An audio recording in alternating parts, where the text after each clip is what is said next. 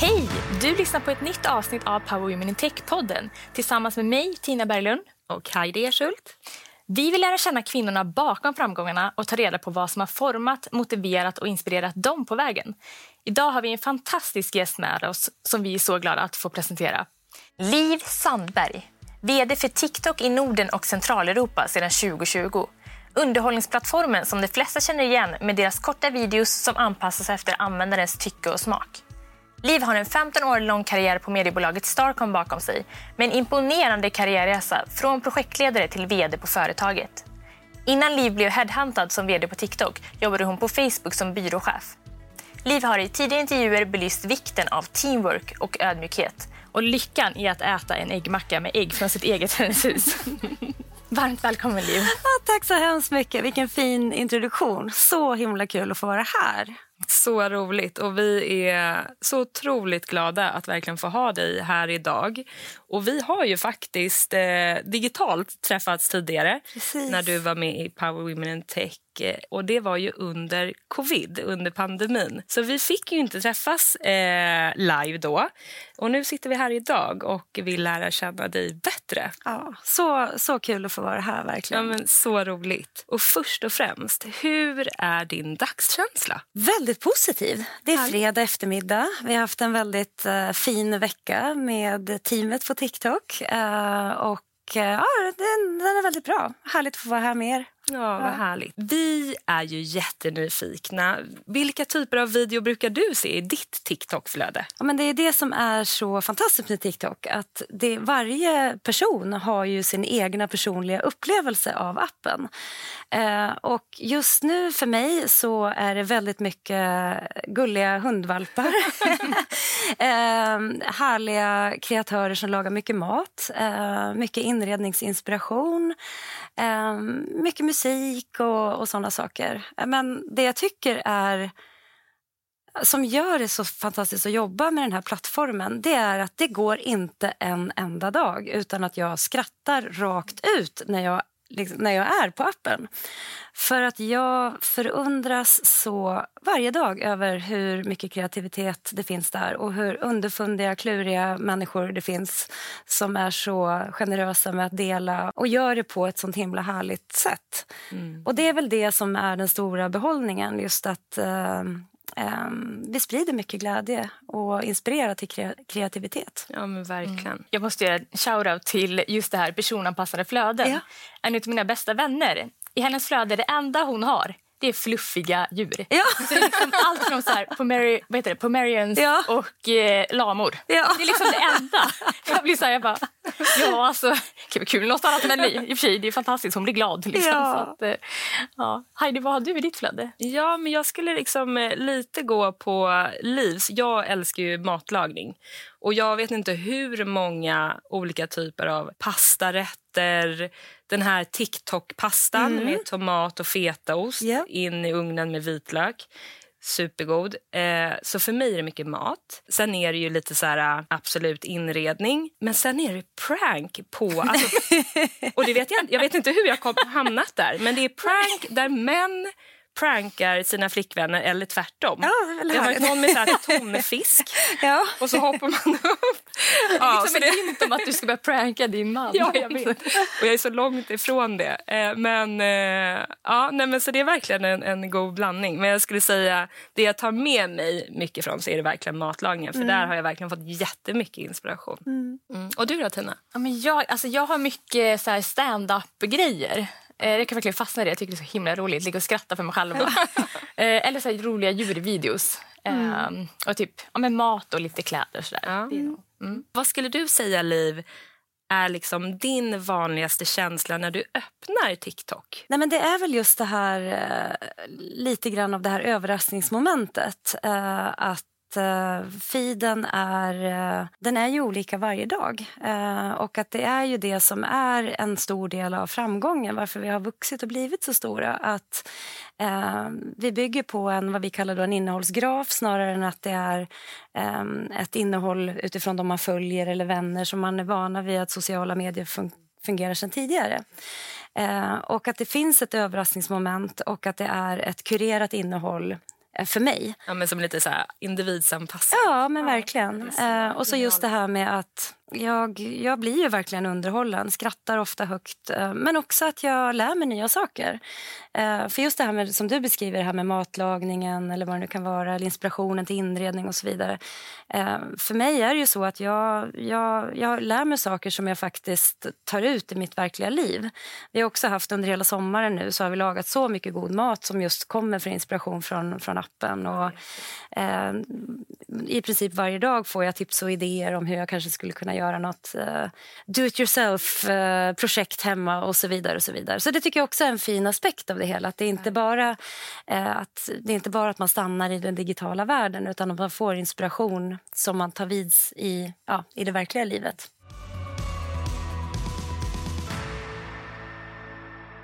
Du är ju inne på ditt andra år som vd på TikTok i Norden. Hur skulle du säga att rollen har utvecklat dig som person? Om vi liksom går mer in på, på din erfarenhet och perspektiv. Ja, men först vill jag bara säga att det, varit, det har varit två helt fantastiska år. Så intensiva år, men så roliga år. Eh, vi har fått ett väldigt varmt mottagande av marknaden. Det finns ett jättestort intresse, eh, nyfikenhet eh, från kunder, byråer, ja, men samhället i stort att, att förstå vad, vad TikTok är och, och så vidare. Så att, um, jag, jag, tror aldrig att jag har jobbat så mycket. I, och Jag har alltid jobbat mycket i min tidigare karriär. Men jag har, jag har jobbat hårt och teamet har jobbat hårt. Men vi har haft så himla roligt på vägen. Den stora behållningen är väl att, att få bygga någonting från, från start. Eh, det har ju varit en typ av entreprenörsresa. Även då, jag menar, TikTok fanns ju innan vi etablerade TikTok här i Norden. Men det har varit mycket kring det här med att bygga ett team från en person till snart nu runt 80 personer. Ehm, att få göra allt vad vi har gjort under de här två åren har vi gjort för första gången. Mm. Och Det har varit en sån otrolig förmån och en ynnest att få uppleva få uppleva det. det. Ehm, och få fira alla, alla små och stora segrar, milstolpar på vägen. För mig så har det ju också varit en, en enorm ynnest att få bygga det här teamet. Att få rekrytera alla de här fantastiska personerna som, som jobbar hos oss idag. Så att från, från start så handlade det väldigt mycket om att bara förstå vad sjuttsiken vi skulle göra, komma igång, eh, se till att vi hade team på plats och så vidare. Börja ta trevande steg att liksom möta marknaden. Vi gjorde ett stort lanseringsevent där under mars, tror jag det var, mars 2021 och så vidare och liksom sätta det på plats. Eh, och idag så, så är vi ju, jag skulle inte säga att vi är liksom ett, ett riktigt etablerat bolag. Vi är fortfarande väldigt mycket liksom the new kid on the block men vi har kommit en lång bit på väg. Eh, och jag känner att idag så har vi en helt annan typ av dialog med våra, våra partners. Eh, och ja, men vi börjar forma riktigt starka partnerskap. Um, och det är ju ja, det är helt fantastiskt att vi har liksom lyckats göra det på relativt kort tid. Ändå. Ja, verkligen på kort tid. Hur har du vuxit ja, under de här två åren på TikTok? Ja, men jag har lärt mig så otroligt mycket. Uh, både utifrån uh, hur jag är som ledare uh, men också hur, um, hur det är att vara i ett sånt här snabbväxande bolag. Jag tycker att jag har varit i alltså den här industrin som jag har verkat i under de här, mina 20 år har ju varit, en väldigt, har ju varit snabbrörlig. Men det här bolaget, det är ju det, det går så otroligt fort. Så att jag har lärt mig jättemycket och jag tror att jag också har behövt vara liksom anammat lite grann det här äh, med liksom good enough. Liksom jag har varit väldigt kvalitetsmedveten och haft väldigt höga liksom krav på mig själv, på mitt team. Jag tror hela vårt team känner att vi vill leverera liksom kvalitet i allt vi gör och så vidare. Men vi har väl också pratat mycket om att så här, ibland får man vara ganska pragmatisk för det går väldigt fort. Uh, vi har också pratat mycket om att vi måste fokusera på det som gör den, den stora skillnaden. Vi kan inte göra vi kan inte göra allt utan vi måste liksom vara, försöka nu bli lite mer strategiska i, i vår approach. Det har varit en, en, en uh, händelserik två år och du har vuxit och ja, lärt dig mycket. Ja, men verkligen. Och som vi har sagt, att så här, ni har verkligen, det har hänt mycket. Eh, och ni har över en miljard användare globalt och är på en otroligt spännande resa. Därför är vi så nyfikna på hur reagerade din omgivning när du tackade ja till att bli vd på TikTok? En del av, av mitt närmsta umgänge var så här, men hur kan du gå ifrån Facebook? Liksom? Hur kan du lämna det här fantastiska? För jag, och jag trivdes otroligt bra i den rollen jag hade. Eh, och nu då, det här var ju två år sedan ungefär. Då var vi ju inte riktigt... Eh, man, det var ganska mycket osäkerhet. Vad, vad är TikTok för någonting? och Så, där. så att jag vet att det var en, några i min, min närmsta krets som var ah, ska ska du verkligen göra det här? Och Tänk om det går åt skogen och så vidare. Medan det var en, bland annat min man var väldigt supportive. Var bara, Fast hoppa nu, kör och så vidare. Så jag hade liksom två läger. Eh, och nu så här i efterhand är jag jätteglad att jag vågade ta det här steget. Eh, för det var lite så. Jag visste ju inte riktigt om det här skulle bära eller brista. Eh, och... Ehm, men, men nu så här i efterhand så är väl liksom, min omgivning tycker att det är jättespännande. För TikTok, då för två år sedan så var ju föreställningen väldigt mycket om att det här är en eh, en app för unga. Ja, mycket, dans, nej, mycket dansvideos och så vidare. Och på de här två åren så har vi försökt jobba ganska hårt med att, att ehm, förtydliga och förklara att TikTok är idag en plattform för alla. Eh, inte bara för de unga. Och och jag tycker att eh, vi har kommit en bra bit på vägen. Och Det ser jag ju också i min umgängeskrets. Att nu är mina, mina närmsta vänner är där och, och så vidare.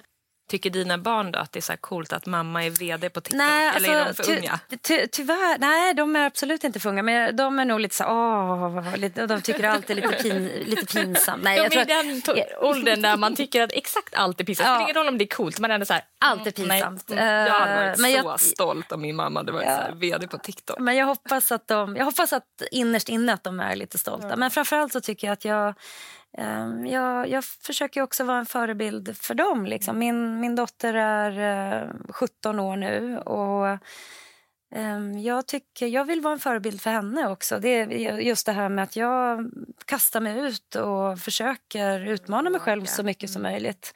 Och Det berättar jag väl ofta för henne. att mm. Idag ska jag göra en poddinspelning. Jag är lite nervös inför det, men jag, jag gör det. Och jag kommer lära mig någonting på vägen. Försöker göra mitt bästa. Mm.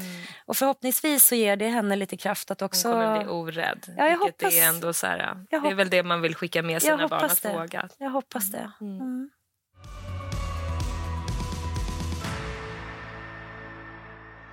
Du har ju ett otroligt imponerande CV. Eh, vi pratade lite här om både Facebook och... Ja, men du har ju ett jätteimponerande CV. Eh, du, vi upplever dig väldigt driven. Har kärnan i din drivkraft förändrats under åren och i sådana fall hur? Någonting som förändras var att för några år sedan när jag var yngre så så var jag kanske lite mer fokuserad på min egen karriär och eh, mina egna personliga resultat. Och idag känner jag att det är så mycket viktigare för mig att se teamet utvecklas och de talangerna vi har rekryterat till TikTok. Att få se dem eh, få vara utanför sin komfortzon och se dem växa. och eh, så. Så att idag så tycker jag att jag försöker sätta liksom laget före jaget. Eh, och Det känns eh, viktigare för mig idag.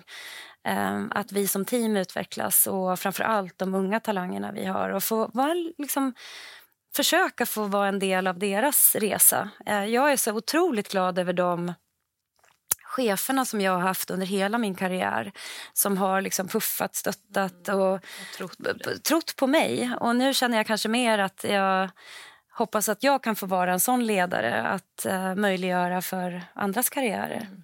Ja, Hur är man en sån ledare? Som möjliggör liksom andras utveckling av talang? Ja, men jag tror att det handlar väldigt mycket att se varje enskild individ och förstå deras drivkrafter. Um, för att alla har ju olika drivkrafter. Och jag tycker att det är en förmån och ett väldigt stort ansvar att vara ledare, att vara chef. Och det, i det ansvaret ligger just det att också se alla enskilda personer som man är ansvarig för. Mm. Förstå deras drivkrafter och sätta sig in i deras eh, situation, eh, vara väldigt lyhörd, ehm, försöka öppna dörrar, coacha, ehm, se möjligheter och så vidare.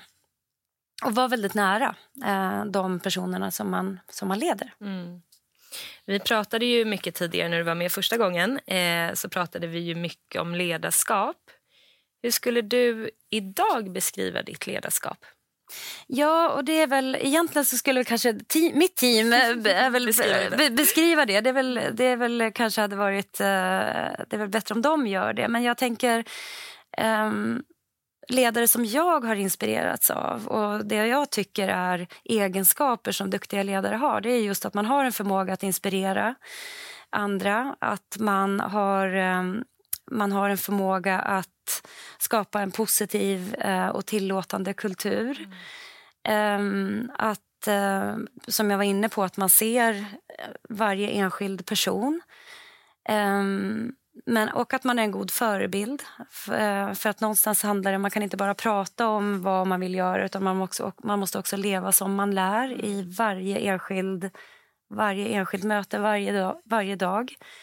Um, jag tycker också att det är jätteviktigt att, uh, att vara en ledare som har en förmåga att sätta ut en riktning uh, och beskriva en vision. Även om man kanske inte riktigt vet vad den exakt var man är på väg men ändå försöka liksom att inspirera till någon, någonstans, någon, en, en riktning.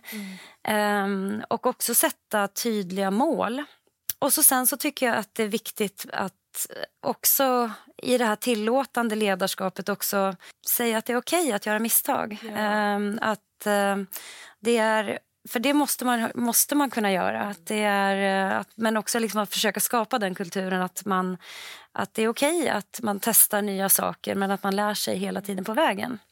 Du nämner att, eh, ja, att man ska se individen mm. och att det är viktigt att man, det är okej att göra fel och att man lär sig på vägen. Men hur blir man den här liksom varma, empatiska ledaren? de viktigaste verktygen just för det, om man nu ska kalla det inkluderande eller empatiskt ledarskap handlar ju någonstans om eh, självinsikt. Eh, tror jag är jätteviktigt att man, att man som ledare verkligen känner sig själv med sina styrkor och sina svagheter. Eh, att man har en, en öppenhet, eh, att man kommunicerar mycket.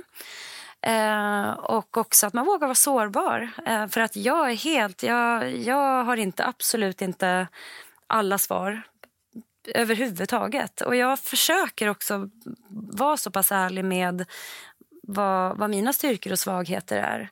Eh, och jag har också försökt rekrytera massa duktiga människor som är så mycket bättre än vad jag själv är på så mycket.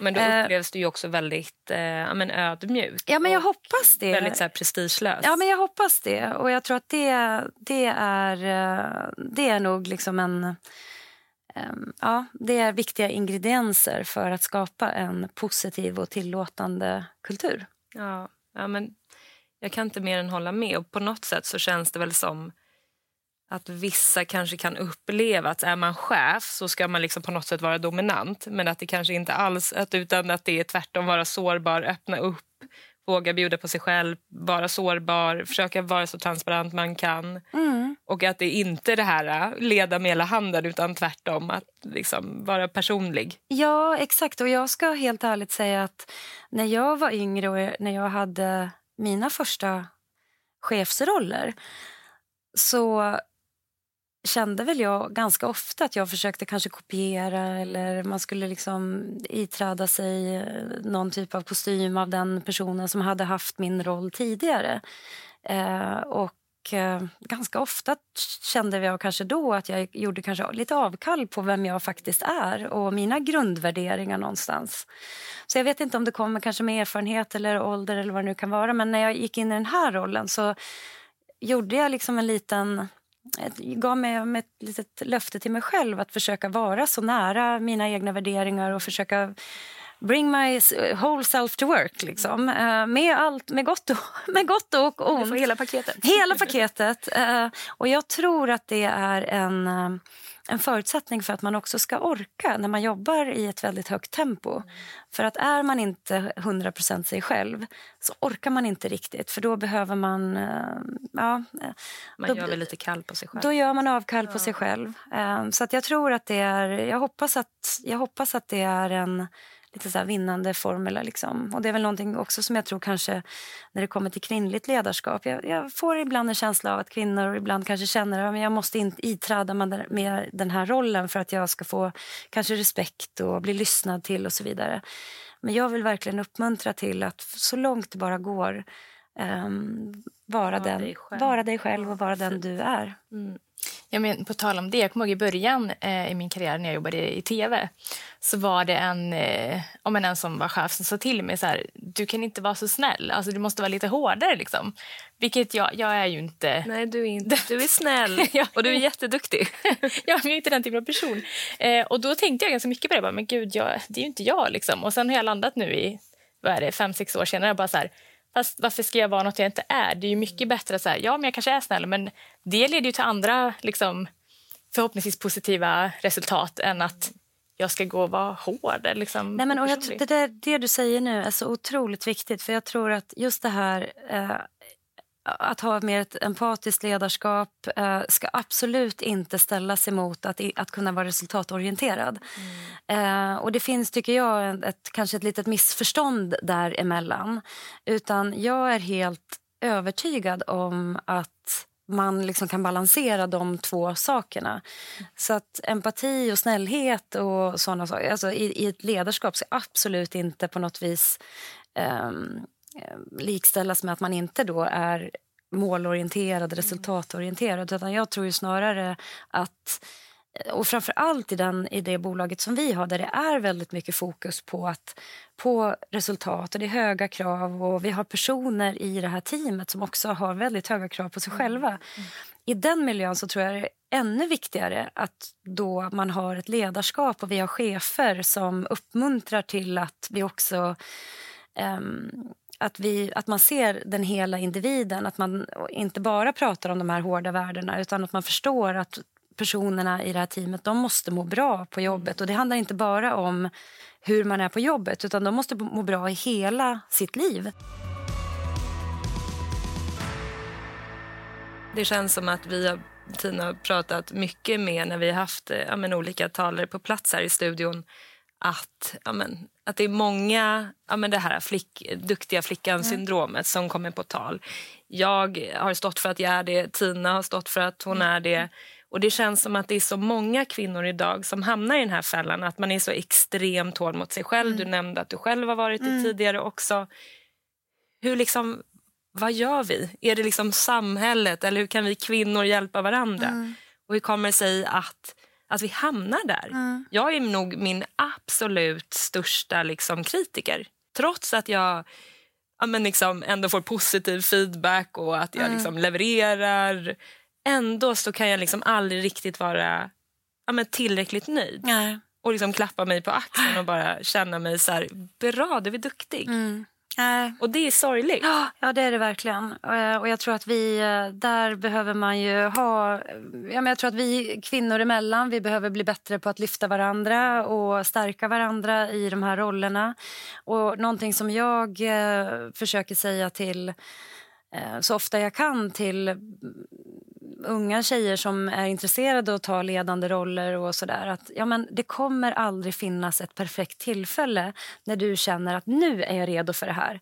Utan snarare säga att ta chansen och lär dig under resans gång. Mm. För vi kommer, man kommer aldrig vara där att nu är jag redo för den här utmaningen. Nu jag allting på plats. Nu kan jag det här och jag känner mig redo. Nu, är jag, liksom, nu har jag alla ledarskapsegenskaper som behövs för att klara av det här det, den, det kommer ju aldrig infinna sig. Tillsammans Utan, med rätt tillfälle. Också. Ja, exakt. Tillsammans, det, det är mycket exakt. som ja, och det, är... det, kommer aldrig hända. Utan det, vi måste bara bygga upp det här liksom självförtroendet. Att när möjligheten kommer, eller att skapa möjligheten, ja. då kör man och så lär man sig på vägen. Men Vi har varit inne på det innan, att eh, work-life balance mm. är viktigt för dig. Eh, och även att du nämnde att du jobbar mer nu än vad du har gjort ja. någonsin. ja. Så varför är just den här kombinationen viktig för dig? Nej, men jag, jag är ju nu, nu ska jag ärligt säga att jag kanske inte är just den bästa förebilden vad gäller det här just nu. För som jag sa, vi har, det har varit ett väldigt högt tempo och det har varit så otroligt roligt också. Jag, i mitt, jag tror också så här, ibland måste man också tillåta sig själv att all, balansen kommer aldrig vara riktigt perfekt. Och nu har jag ju känt att nu är jag förmånen att få bygga den här verksamheten tillsammans med mitt team. Och det kommer vara en period där jag kanske får prioritera ner andra saker och inte igen då ställa kravet på att nu ska jag vara den perfekta vännen och jag ska hinna träna och jag ska göra alla de här grejerna. Jag tror också att man måste tillåta sig själv att saker och ting det, det finns fa, det fa, man har faser i livet. Faser, ja. mm. Men men med, med, det sagt så tror jag ju att det är, eller är helt övertygad om att det är otroligt viktigt att eh, man, man mår bra i, i och, och ser den hela, hela människan. För att om man ska prestera på ett jobb så måste man eh, Eh, också känna sig starkt och ta hand om sig själv på vägen. Jag blir så nyfiken. Eh, så här, hur får du ihop ditt ja, pussel? Ja, ja, ja, Och har du liksom en stöttande man där? För jag tänker, ja, om, du, har... här, om du jobbar väldigt mycket också. Ja, men och det, på tal om då att det är faser mm. så har ju vi i vår relation, och det är jag så otroligt tacksam över. Så har, för jag har, eh, min man är lite i samma bransch och han har också i, under vissa år behövt jobba jättemycket Eh, så vi har växeldragit väldigt mycket. Och har, vi hade en väldigt öppen dialog om just den här, när jag fick möjligheten att göra det här. Att, men då sa han, okej okay, men nu kör du. Det var fint att så, han verkligen supportade dig, ja, för då visste han kanske att så här, det här kommer krävas ja, men det mycket tror, från ditt håll. Det, det tror jag. Och han, har ju, han är entreprenör och har drivit egna bolag och så vidare. Och jag, det, här är ju inte, det här är ju en, en lite av en entreprenörsresa även om jag har förmånen att ha liksom ett fantastiskt eh, gigantiskt bolag i ryggen. Men det är ju ändå så nära en entreprenörsresa som jag har varit. Så han, han förstod ju verkligen att vad, det, vad som skulle krävas. Så då har han sagt att ah, men okej, men nu kör du det, då tar jag ett större ansvar för barnen och hemmet och allt det där. Och så, och så har det varit i våra, vårt gemensamma liv, att vi har växeldragit väldigt mycket. När han har haft saker och man har behövt vilken, vilken fin grund ni står ja, på. Då. Men det har att, varit... ändå så här, alltså att det verkligen är ett ja. ta och ge i relationen. Nu två år in så kanske han börjar känna lite grann att det är dags att vi ja, börjar... landa, ska det liksom vara lite lugnt här. Uh, men det där tror jag är viktigt, att man har också ett uh, supportnätverk uh, runt sig. Mm. Och att man också vågar fråga om hjälp. Uh, och, och, jag är ödmjuk inför att alla har inte den situationen. Men så, så långt det bara går, att man inte känner att ensam är stark. Om vi återgår till techbranschen i stort. Den är ju snabb och ständig utveckling. Om du spår in lite i framtiden, vad tror du kommer härnäst? Vad kan vi vänta oss?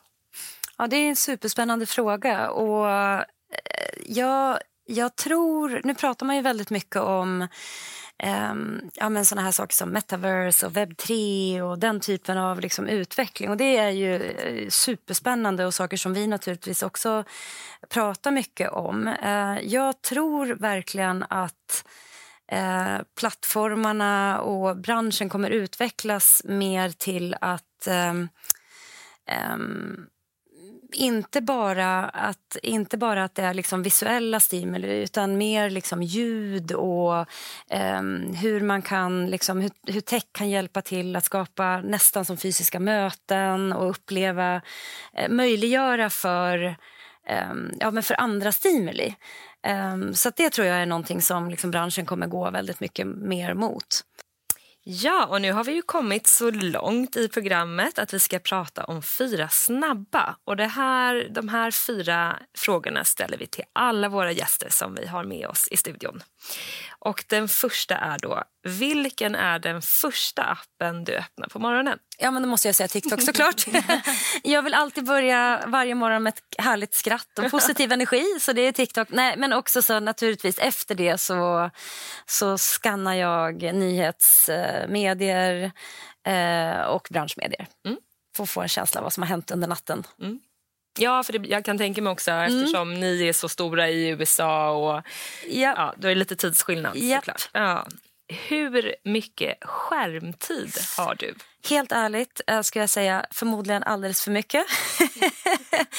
Nej, men det är, det är väldigt mycket. Eh, för att vi, eh, både för att jag spenderar mycket tid på TikTok naturligtvis men också att vi är ett globalt bolag så att jag jobbar ju väldigt mycket med digitala möten och så. Så att väldigt mycket skärmtid. Men jag försöker balansera det med hundpromenader i skog och mark så ofta jag kan. Är det någonting, jag tänker på din 17-åriga ja. dotter där, hur liksom eh, den här balansen? Ja, eh, nej men precis. Och det, vi, vi pratar väldigt mycket om just skärmtid hemma för att jag är ju jag tycker ju, jag vill ju naturligtvis uppmuntra till att inte mina barn eller inga ungdomar för övrigt sitter för mycket bara vid, med sin mobil. Mm. Uh, så det är en ständig konversation som vi har hemma. Vilken app kan du absolut inte vara utan? Ja, om jag, jag skulle ju då säga TikTok igen. Då, då men om, du inte om, jag, om jag inte får säga TikTok så en, en app som jag uppskattar och som jag använder dagligdags är Headspace. Oj, den som, har jag aldrig hört talas om. Som jo, är en med, meditationsapp ja, okay. eh, som jag älskar faktiskt. Och det är eh, allt ifrån liksom en att köra en tre minuters eh, meditation på tunnelbanan till att under helgen att man kan göra längre pass och så vidare. Det är en fantastisk app verkligen. Tack för tips, den ska jag ladda ner direkt sen. En app som, nu känns det som att du redan har tipsat om en, men om du skulle tipsa om en ytterligare app, vilken app skulle du tipsa om då? Som inte är TikTok. Ja, ja. Och inte är Headspace. Nej, men precis. Det finns en, en app som heter Blinkist som, handlar, som, är, um, som sammanfattar um, vad ska man säga, böcker, böcker och mycket sådär managementlitteratur. Mm. Um, så slipper man läsa de här uh, 400-500 sidorna uh, utan man kan få liksom kondenserad det bästa. det bästa, det bästa och de liksom viktigaste insikterna från då olika spännande eh, ja, managementlitteratur och författare inom, inom det, det skrået. Och för mig det tycker jag är en briljant idé. För att jag, jag vet inte hur många såna här fina böcker som jag har köpt genom åren men man kommer inte riktigt igenom att läsa allting.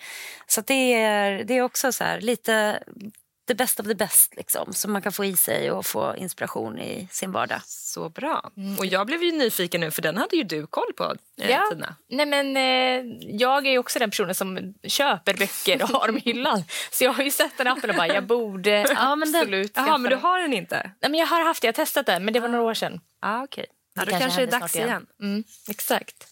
Eh, men nu är det faktiskt så att vi har nått sista frågan. Och Då vill vi självklart att du ska få chansen att hylla en powerkvinna i techbranschen som du inspireras av. Och egentligen skulle jag vilja ge en hyllning till alla mm. kvinnor i, i den här branschen. Kvinnor generellt. Eh, för jag eh, har förmånen att få jobba med så många grymma kvinnor idag och har haft, alltid haft grymma kvinnor runt mig i min eh, karriär. Men om jag måste välja en då så skulle jag vilja hylla Anna Riott lite extra. Hon är grundaren till en organisation som heter Heart 17 eh, som är en, ett fantastiskt initiativ som jobbar för att eh, hjälpa ungdomar att eh, hitta hopp och kraft mm. i att uppfylla eh, FNs globala mål. Mm. Och De gör massa spännande saker kring det här. Och Jag tycker det är en sån fantastisk idé. Mm. Eh, så hon får min eh, specialhyllning idag. Mm. Tack! Vi är så otroligt tacksamma för att du ville komma hit, Liv och dela med dig av dina erfarenheter, ge dina bästa tips och ge oss lyssnare en inblick i hur det är att vara vd på TikTok. Tack! Och till alla er som har tagit del av intervjun, tack för att ni har valt att lyssna på Power Women in Tech-podden. Kom ihåg att prenumerera på podden om, inte red, om ni inte redan gör det och bli medlem i vårt nätverk Power Women in Tech på LinkedIn för att få de senaste nyheterna. Den här podden är producerad av fintechbolaget Nordnet. Jag heter Heidi Erschult. Och Tina Berglund. Ta hand om dig och kom ihåg, fortsätt drömma, våga och realisera. Vi hörs snart igen. Hej, hej! hej